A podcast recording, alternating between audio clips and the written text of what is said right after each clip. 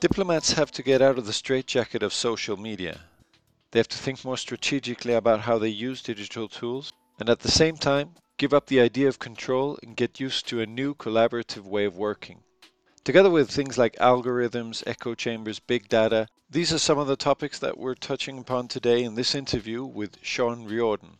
Shaun worked for 16 years as a British diplomat before leaving the diplomatic service to become an independent consultant and an academic. He's written and spoken widely about diplomacy and is one of the most authoritative, no nonsense voices out there on innovation in diplomacy and the adaptation of diplomacy to the digital world. Shaun lives in Madrid, so we invited him in for a cup of coffee and a chat here at the embassy. We hope you enjoy the conversation. Today I'm talking to Shaun Riordan, a former British diplomat who, for the last couple of years, has been working a lot on, on digital diplomacy. And Shaun, could you tell us a little bit more about your background and, and how you got into digital diplomacy? Yeah, well, first of all, Mikael, thanks for the invitation to come and talk. Um, as you know, I was a British diplomat for 16 years, and towards the end of that, got increasingly into public diplomacy. So that when I left the diplomatic service and I started working consulting and in academic research, I was looking very much at public diplomacy and innovation in diplomacy in general. So that naturally led me into digital diplomacy as new digital tools became available and, and started changing the context in which we do diplomacy. Just to get the definitions right uh, from the outset here, how do you define digital diplomacy? I define digital diplomacy as the use of digital tools to do diplomacy or the use of digital tools to promote broader dig, uh, diplomatic agendas. So that can be it can be related to different parts of diplomacy or, or different aspects of diplomacy. So we might be talking about the geopolitical political analysis and to what extent can we use digital tools like algorithms, big data scraping to improve our analytical techniques, or it might be about uh, using different digital tools to improve consular protection make consular protection more efficient. Or uh, normally, or most often, it's spoken about using digital tools to make more effective public diplomacy, to engage more effectively with foreign publics. But essentially, it's using the tools to do diplomacy. And important to remember that we are talking about tools, it's not an end in itself. So, where do you see diplomacy heading today? It's a fluid world, networking world. Um, to what extent are we talking about a new paradigm in diplomacy or a new kind of diplomacy? I think they're both continuities and changes. Uh, if you were to talk to diplomats operating in the 16th century, they would recognize much of our world. Multiple different kinds of stakeholders, ranging from big companies to the church to other religious bodies, governments in a very fluid state of evolution, cities operating as semi autonomous uh, actors in very similar kind of complexity to what we're seeing in diplomacy now. At the same time, the digital environment changes the kind of spaces in which you're operating. It changes timelines. It means that things have to be done much faster, much quicker. And it greatly expands the capacity of individual actors to gather information and to influence debates, even down to individuals. So that also means that, that the, the role of the diplomat is changing. How do you see the diplomat in this new world? I think the role of the diplomat has changed in several ways and in ways that may cause problems in the future. I see diplomats more and more as entrepreneurs or facilitators who are putting together various non state actors to help them advance debates, to influence debates, to, to achieve outcomes more than the people who actually do it themselves. And that's certainly true, I think, in public diplomacy, where it's much more about trying to get civil society partners talking to each other across national borders than it is standing outside the embassy and pronouncing your government's uh, position on a particular issue. Beyond that, other things are, are much more traditional negotiators, networkers, but in a different context. So that whereas when I began as a diplomat in the 1980s, we networked primarily with other diplomats and then perhaps with politicians. Now you find yourself networking with businessmen, with non governmental organizations, civil society groups, even individuals who are all key players in the, the kind of debates that we're dealing with.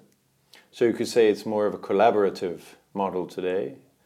It's certainly very much more of a collaborative model. I think you should point out that there are two kinds of agendas, and the role of the diplomat in each agenda is very different. So we have what we might call the new international security agenda, the big global issues, climate change, regulating the internet, uh, biogenetic mod, mod, um, changes, epidemic disease. These are really big issues that confront us. And that is a very collaborative diplomacy with lots of different kinds of state and non-state actors. But at the same time, we've seen a, re- a return of the geopolitical uh, agendas. You know, Ukraine, Crimea, China in the South China Seas. And these, in turn, require perhaps a more traditional kind of diplomacy that perhaps would be more recognizable to my ambassadors when I join the service. And in this new world, for, for the diplomats to be able to, to navigate, you could say, how big a need is there for them to be tech? I think we all have to be tech. I, mean, I was talking to somebody the other day who said it no longer makes sense to talk about telecommunications companies in the 21st century. Every company is a telecommunications company because every company has to live in the digital ecosystem. And so, in as far as all of us have to have some understanding of tech just to survive in this world, in, in a world of the Internet of Things, if you don't understand tech, you can't turn your fridge on, you can't get the heating on in your house. So we all have to have a certain understanding of tech. Whether you need to actually understand how to code or not, I think it's a separate issue, but how to use tech, what you can do with it, yes, just like everyone else. In your uh, articles, you, you've written a lot about the need for strategy in, in digital diplomacy. Uh, what do you mean by that? I think it, one of the great dangers we've had with both public diplomacy and digital diplomacy is that the link gets broken between them and what you're actually trying to do. We do diplomacy, as governments at least, because we've got a series of policy objectives set down by our governments that we're trying to achieve. Uh, and there's been a tendency with public diplomacy and digital diplomacy to see them as ends in themselves. And we see this in Spain with public diplomacy, where they've become obsessed with the idea of Marca España, the Spain brand, to the extent that this is seen sometimes more important than having a coherent foreign policy.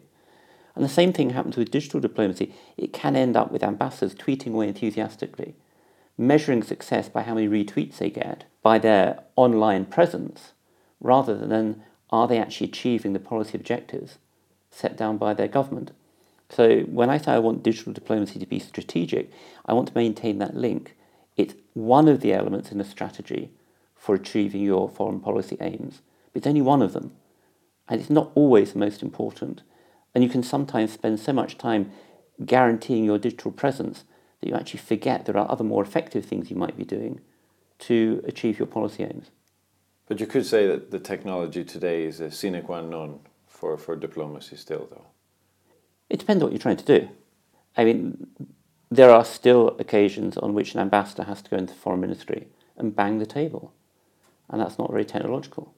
I mean, I think going back to what it's helpful to think about a definition of public diplomacy here. That I've always seen public diplomacy as generating or creating social and political environments among foreign publics or atmospheres among foreign publics, which mean that when you actually come up with positive policy proposals, then they're going to be accepted because people are already thinking the same ways as your government. I think that's the, the role of often of digital diplomacy. It's enhancing that capacity to build up these positive social or policy environments in which you can take forward concrete policy proposals. Whether the concrete policy proposal is going to be given in digital form or not is a separate issue. I, I mean, in short, sometimes digital, but still sometimes not. You've talked a little bit about ambassadors and ministers on Twitter. What is the status today for you with, with digital diplomacy? Which, which technologies do you see as having the biggest impact on diplomacy today and the daily work of diplomats? I think actually, that, well, in one sense, I think diplomats really haven't got into digital technology yet. They're still very limited by social media. If you talk to most diplomats about digital technology, it stops. It starts and stops with social media. You know, the ambassador's on Facebook, the first secretary tweets, third secretary's got a blog or some combination of that. And social media are very difficult. First of all, I think because you need to be able to react very quickly to social media. And foreign ministries aren't structured to do that. They're still very hierarchical. you still have foreign ministries who want to micromanage what their diplomats are doing around the world. And that makes it very difficult to engage, for example, with Twitter. If you, if you see a tweet about your government or about your country or about your policy, you need to be able to respond to it immediately. And if you have to go back to your capital and ask permission and then wait for it to come back, by the time you actually retweet or you answer the tweet, 50,000 other tweets have already passed and no one knows what you're talking about. Also, you have to understand that social media are about engagement. They're not about selling messages. So a lot of diplomats still think that you tweet your government's position out there, give it a hashtag, and that's fine. Well, actually, many people using social media are not very happy with that. They want, they need you to answer when they respond to you, or they expect you to. And if you don't, then they dismiss you. You lose credibility. Uh, I mean, and there are other problems with social media. If we think about, you know, if you're doing a social media campaign, how does it go viral? It's usually luck. It's got nothing to do with how good your your campaign is. Um, and even if it does go viral, it might not work. So if you think about the schoolgirls kidnapped from Chibok, and it's a great campaign, you know, Give Back Our Girls, hashtag Give Back Our Girls, and it gets retweeted from the Oval Office, which is by Michelle Obama, which is about as viral as you can get. It did nothing for the girls. It did promote Boko Haram from a third division regional terrorist group to the international premier division. So there you have a campaign that not only did not achieve what it wanted to achieve, it actually helped the people it was trying to damage. So social media campaigns are very difficult to manage. Uh, you don't know who you're influencing, you don't know who you're getting to. And it may be that there are other digital technologies we can use, for example, online conferences or online seminar, uh, scenario building exercises, where we can better target the people we want to reach out to. And we're more likely to get good feedback and have influence where we really want to have it, rather than the kind of just trusting to luck with social media. I think that's one other point about social media is the Trump effect. I mean, here is a question for all diplomats: Do you want to have a head of state or head of government who tweets like Trump? And I think the answer is absolutely not. Uh, we all know that ministers can say stupid things. They can say things for domestic audiences that go badly abroad. And as diplomats, you're always used to going to this foreign ministry and saying, well, the minister didn't really didn't mean it. He, he really does like Germans after all, you know. And, uh, and you can mitigate it. The, and the ministry, yeah, we know, our guy does the same. So you, you can play down the damage. With Trump, there's no time to do that because he says something and immediately it's gone viral around the world. And immediately everyone who's going to get annoyed is already very annoyed and responding. And so as a diplomat, you don't have time to engage with it. Uh, so I mean, the social media area is one where diplomats have got a bit obsessed, but they need to get start getting into other areas, more intelligent use of digital tools. Such as? I mean, could you could you elaborate? Well, I mean, okay, yeah, I mean, using online platforms for targeting conferences. I mean, my favorite, or one of my favorite examples, is scenario building. Uh, in 1992, I think it was, the Montfleur scenario exercise done in South Africa, which brought together people from across the spectrum of South African politics to scenario build what would South Africa look like in 15 years' time. And it played quite a valuable, quite a valuable role in the transition from apartheid. Now that you had to physically bring people together in a hotel, and it's a limited number of people you go. With modern digital platforms, you can set that up so that you can get people who wouldn't be able to be in a hotel room together for security reasons uh, you can multiply the number of people participating and use that as an effective way of getting people to think about a problem, not in terms of what's going on now, but what it's going to be like in 15, 20 years' time, get them to lift their heads a bit, look to the forward, future. So there's one more imaginative way of doing it. Another way might be using doing online simulations. I've often wondered what would have happened in 1914 if everybody could have done a simulation of what was going to come, and would they have mobilized with quite such enthusiasm there's absolutely no reason you shouldn't set up. Is this the future of the UN? We want a role of the UN as a trusted operator of online simulations available for governments to test out. Well, I mean, it sounds a little science fiction, but I don't see why we shouldn't go there, given that we've got a generation of leaders growing up now who spent their lives playing video games. And gaming is the other way of doing it. Uh, you know, if you want to influence publics, why not design computer games that people can? I mean, I'm already looking at trying to introduce this in terms of training diplomats. You know, setting up computer games where diplomats have to network, and if they don't network right, they lose points. And we're all very competitive. And then the idea of gaming can engage people. They're so busy playing the game that actually they're not completely aware of how you've influenced the way they're thinking. So there are a whole series of areas which diplomats could be exploring and which they're not really because they're still hung up on social media. I think they, they need to break out of this kind of thinking. Is this also a financial issue? I mean, it's not cheap to develop and invest in, in these kinds of solutions? It's a lot cheaper than posting a, Madrid, a human diplomat to Madrid. Do you have any best cases uh, when talking about digital diplomacy today? Countries that are, are doing really well? I think it tends to be parts of countries. I mean, I like talking about my own country, but I think one of the good things the Brits have done is liberate their diplomats and say, okay, you know, we're going to trust you to respond to social media at a local level. And that at least means that if they are engaging social media debates, they can do it effectively. And on the assumption that sometimes they get it wrong, but the non-digital diplomats used to get it wrong sometimes. You said the wrong thing to a newspaper and you would get your knuckles rapped for it. Speak from experience. Uh, no reason why that shouldn't happen now as well. The Armenians have been very good in liberating their ambassador in the Baltic republics, who, who is quite effective on social media. But it, it's so far been rather limited to social media. I, if I give you a private sector example, there was a, an organisation in the States called Wikistrat, which I'm not sure if it's still functioning, kind of slowed down a lot, but was doing online scenario building and online simulation exercises for private clients, but also to build up a global network of analysts. And it's quite interesting for me the extent to which analysts would do this for free just to get points and to join the debate and see themselves going up the rankings and and it was quite the technologies they, they had developed showed the way where you could go with analysis in the future, particularly for smaller countries that can't afford to have big foreign ministries full of researchers, the way that you can bring in analysts from the academic world or from the business world to support what you're doing.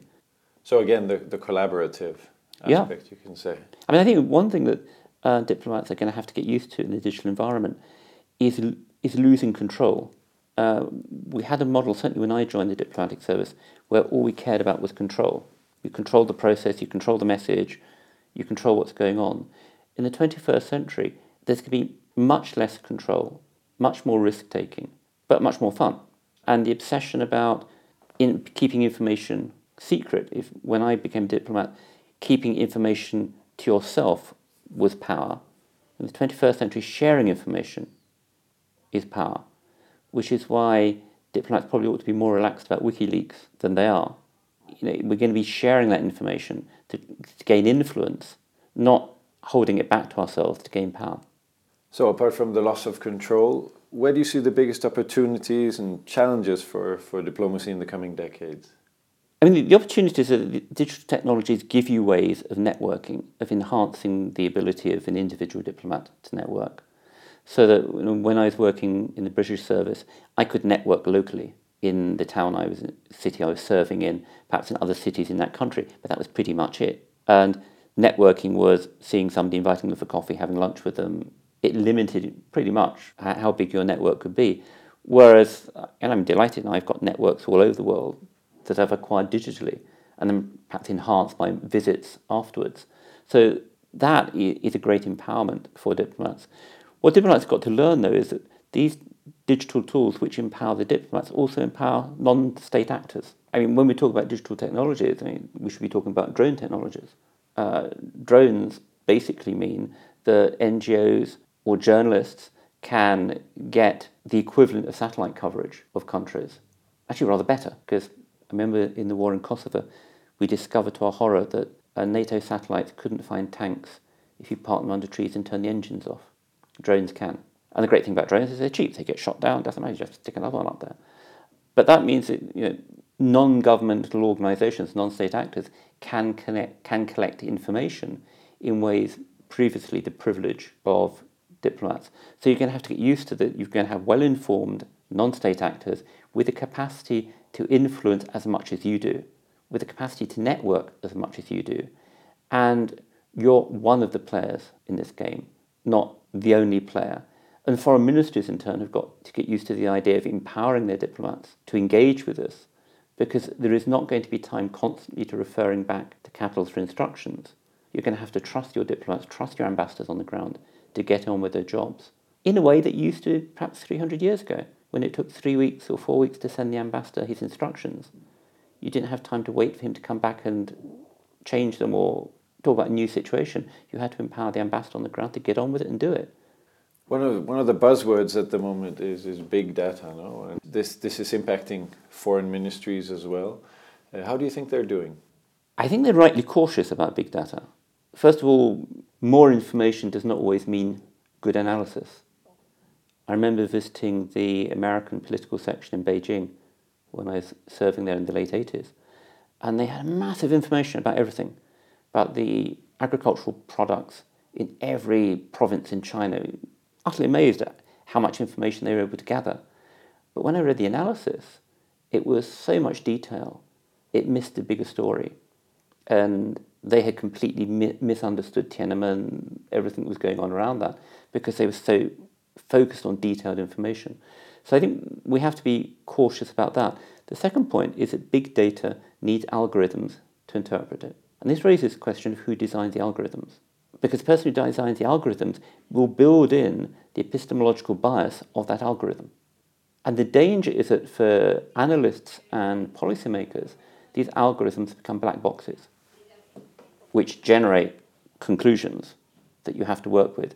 And you can't interrogate those conclusions because you don't know how the black box is working. And the techie who designed the algorithm in the black box might not necessarily understand geopolitics, international relations. So there is a real problem there of how you question what's coming out of the big data analysis. Uh, perhaps for a company it's not so important because you, know, you, you, talk about marketing information. It's not as complicated as a kind of information you try to scrape out the big data um, for intelligence services or foreign ministries. But that, that's going to be a problem. How do we test the output without understanding how it's generated? And I've yet to hear an answer on that. I mean, the great thing about human analyst is when the human analyst says something, you can go and say, yeah, but what about that? Why did you do that? What basis are you doing this? And that's really hard to do with complex algorithms inside kind of black box setup. Another area where there's a lot of focus at the moment is security, you know, cyber security, cyber warfare, you can say disinformation, all these things that, that limits the way diplomats work as well. I think the various things here which are different. The threat that comes from information warfare, it's always been there. Fake news has always been around.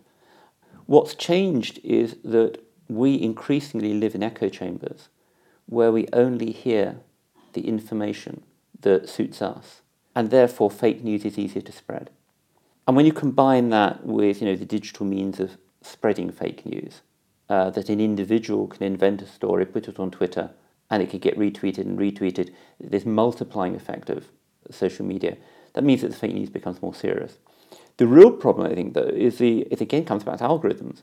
Social media are driven by algorithms that make sure that you only get access, access to things you like. So initially, this is done for marketing.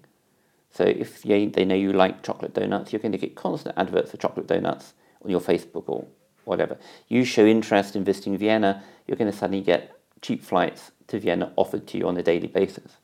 But it extends beyond that to your friends. So Facebook will never suggest a Trump voter as my friend. Not in a million years, because the algorithms are wrong. I will always get some East Coast Democrat or possibly some Californian surfer, but I think more likely an East Coast, boring old East Coast Democrat being suggested to me. And the same with other social media. Now, the trouble with algorithms is they're reinforcing the echo chambers. And they definitely make sure the only news you're going to get is news you like. And when you start looking at the data which suggests that something like 45% of Americans get news from social media, uh, that's adult Americans, and something like 20%, most of their news is coming from social media, and if you come down to 18 year olds, it's even more. This poses a very serious problem for diplomacy. Because how does public diplomacy break those echo chambers? If we're doing public diplomacy through social media, we're only getting to people who already like us. So why are we bothering? How are we going to? I think diplomats are going to have to learn much more about how to game the social media algorithms to try and break their effect, to break down the echo chambers. But this is, I think, it has to be a key focus in public diplomacy.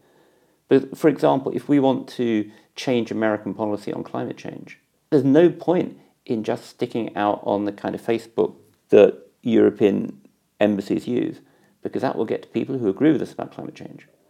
And they'll just get that nice warm feeling that they and the Europeans agree with each other. We've got to find a way of getting out to Trump voters. You know, how, do you can, how do you access a redneck as a European diplomat through social media? And then how do you convince him he's wrong?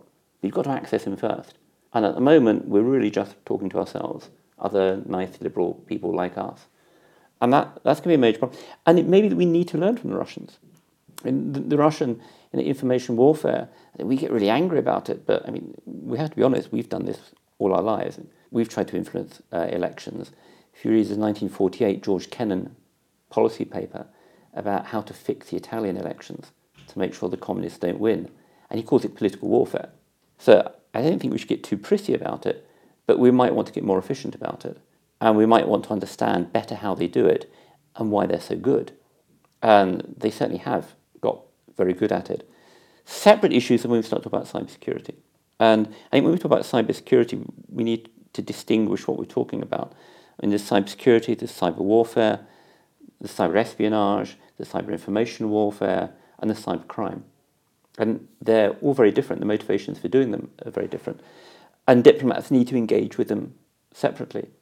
Uh, I'm particularly interested in an area now called I call cyber diplomacy, which, if digital diplomacy is using digital tools to do diplomacy, cyber diplomacy is using diplomacy to solve the problems in cyberspace. And we've got a whole series of them. How do we regulate cyberspace, internet governance, you know, what, what do you do with companies who operate entirely in cyberspace, where they pay tax, the, the whole regulatory issues. But then issues like cyber warfare. We limit what we do as countries through international law. It doesn't mean international law actually works like domestic law, but countries sufficiently want to look like they're obeying international law that it acts as some kind of limitation on what they do. You don't openly see someone else's territory, not even Putin. He arranges for the Crimeans to invite him in and to vote to become part of Russia. And we know it's all fake, but it's a kind of constraint on what he can do with the rest of Ukraine. Now, the issue is can we negotiate ways of moderating our behavior in cyberspace? Uh, things you do, things you don't do. Can we reach international agreements on know, you don't take down key infrastructure, you don't take down air traffic control systems, for example, as we have done in non cyber security? And that, that's going to be a big challenge for the future. How do we, what restraints do we put on cyber espionage? What restraints can we put on cybercrime? One of the problems is that very often cybercrime and cyber espionage go together, as did or does real world crime and espionage. I mean, talking to former colleagues who worked in that rather murky world, they had some very murky friends that did things for them. So it's no surprise that they come together again. And again, it's can we establish rules of the game, or are we going to allow cyberspace to become some kind of Hobbesian, all against all, anarchic area where we could see some very damaging escalations very, very quickly. It sounds a little bit like the Wild West. Yeah, but so was real world politics 300 years ago. And gradually we've built up, as I said, this kind of this body of international law, which is not like law if you misbehave it, you go to prison. But it's everybody still wants to be seen to be playing by the rules, even if they're not really. Um, I remember a British legal advisor once saying to me, and don't ask me what you want, what you can do under international law. Tell me what you want to do, and I'll write you a justification for it. But if it's genocide, I need an extra two weeks. It's more complicated. I mean, it sounds like a bad joke, but it's actually how international law operates in a much more constructivist way. It's you know, we want to be seen to obeying international law. So no government in the world says, okay, what does international law say we can do? Uh, okay, what what do we want to do, and how do we make that come within international law. And the challenge is can we do the same in cyberspace? Can we start getting a, a series of rules? And it's going to be very complicated because in real world space, you can see who the enemy is. They, they have flags, they have uniforms. That's not true in cyberspace. There's an enormous possibilities for false flag attacks, for concealing where you're operating. And again, it means we have to start negotiating. Does it mean everyone negotiates honestly? No. But That was the argument at the beginning of negotiating about nuclear weapons. We want to reduce nuclear weapons in the world. Now you can't because you can't trust the Russians, you can't trust the Americans. Well, eventually you kind of find ways through that by doing something that's called diplomacy. So you think the, the diplomatic world, the, the Ministry of Foreign Affairs and the diplomats are ready for these changes? No, I don't. And I think one of the problem is that they got frightened by the digital diplomacy, this digital world, and they didn't instinctively understand it. So the people who came in to deal with it came from communications background, came from media background, and they understood about social media, but they didn't understand about diplomacy. And one of my concerns when we, we're getting all kind of, as you know, I've written about my objection to new kinds of diplomacy all the time. Because too often you look and go, well, where's the diplomacy? What is it about this that's actually diplomatic? And I think that's one of the problems with digital diplomacy. We've forgotten that we do diplomacy for reasons, that diplomacy is part of statecraft uh, for governments. But even for non governmental actors, non governmental actors have objectives. And if they do something that looks like diplomacy, it's as part of a strategy to achieve their objectives. And they use more or less peaceful ways of doing stuff like campaigns to embarrass, which is not necessarily diplomatic. At the same time, they're using more diplomatic techniques. And that's true of governments. So we've got to get digital diplomacy back into diplomacy as we have public diplomacy. And we've got to get diplomats, instead of obsessing about the technology and the tools, trying to think about what this world looks like and how we operate in this world and whether we use a digital tool or not. Are we dealing with real world problems or cyber problems? And I think this is going to be the really big challenge for diplomats. And sometimes they talk about multi stakeholder diplomacy. I'm beginning to talk about hybrid diplomacy in the sense that diplomats in the 21st century have to be able to deal with different agendas at the same time. So they've got to deal with the big global issues agenda, the global commons agendas, and the geopolitical agendas at the same time, and understand the interrelationships. They've got to deal with real space and cyberspace at the same time. You can't have one set of diplomats dealing with real world and one dealing with cyberspace, because then you end up with a divergence between the two. And you've got to have diplomats who are capable of dealing with state actors and non-state actors at the same time. And that in itself can be difficult. Who do you go to see, remembering who you wear the suit for and who you wear the t-shirt and jeans to go and see. But diplomats have got to be able to do all of this at the same time. And the foreign ministries have got to learn to trust their diplomats much more and start operating much, there's been an argument about what the foreign ministries do. I think the great thing that foreign ministries do is they manage networks. They should be the great network managers. That's, that's their role. Um, and whether it's networks at home of analysts who are reinforcing uh, the analytical capacities of uh, foreign ministries, or it's managing the diplomats abroad and managing the networks that the diplomats abroad have, uh, it becomes much more a network management role rather than a decisive policy role. To finish off, I, I, usually ask two questions to all the guests on, on the podcast. The first one is what, what can diplomacy learn from other fields and sectors in society when it comes to digital transformation? I think probably the most effective, the best people to learn from are academics and non governmental organisations who've taken to new technologies much quicker, much more effectively, and are perhaps more original in using them. The danger, I think, is that the immediate thing is like, we'll go to the business sector and we'll go to the media. And we've got some rather dangerous biases coming in. And diplomats also remembering that they've got a lot to take out to the digital world. You know, all these problems in cyberspace, technical solutions do not fix them. We know that technical solutions do not help with cybersecurity. And if you think that most banks, if bank, banks on average are penetrated by a hacker, it takes 100 days for them to notice. They're not necessarily the great experts on this. There may be stuff that diplomats do as diplomats, which is as valuable for the digital world. And possibly diplomats need to have a bit more confidence in thinking about what they do as diplomats and what they bring to the party, rather than obsessing about, oh my God, I must be online. So that's actually my second question. Now, what can others learn from diplomacy? I, well, the first thing is I've been involved in lots of debates recently in what is a diplomat, what is it to be like a diplomat.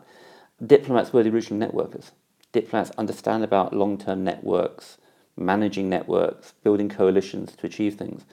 Diplomats also understand about long-term engagement. And I think this, this is something the business world needs to learn in the modern world, that it's not about, it's not a zero-sum game. It's not about short-term profit. It's about being around for the long haul. And that's something that diplomats are instinctively good at. I say the other thing that diplomats don't see the world in black and white. And here's a really bad joke coming here. They see it in shades of grey, but more than 50. That actually is very valuable in a highly complex world like the 21st century, where instead of looking for quick solutions or optimal solutions, it's much more about managing problems. So if you think about the cybersecurity debates, whereas perhaps a politician or a technician or a businessman will say, I want absolute security, I want an optimal result from this. A, biz- a diplomat say, no, let's be real, let's get realistic. We're not going to have an optimal solution, but we can have something we can live with. And the, in 21st century, something we can live with might be the best we can hope for. Thank you very much, Shaun Riordan, for oh, coming here today and, and talking to us. And, well, looking forward to following your, your further work on, in this area. Thank you very much. It's been a pleasure.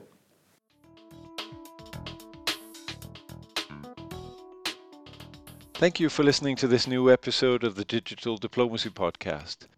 If you're interested in knowing more about Shaun Riordan and his work, take a look at the show notes where you can find links to his blog and to his Twitter account. We hope you liked the interview and that you will share it on social media with others that you think could be interested. If you have a little time, please write us a review in iTunes or give us a like in SoundCloud, whichever you prefer to use, so that we can reach many more people around the world and continue building a community where we can discuss and learn more about diplomacy in the digital age. We'll be back soon with more interviews with interesting perspectives on the way diplomacy is changing, evolving, and adapting to the disruptive changes that our societies and international relations are undergoing these years. Until then, have a great time.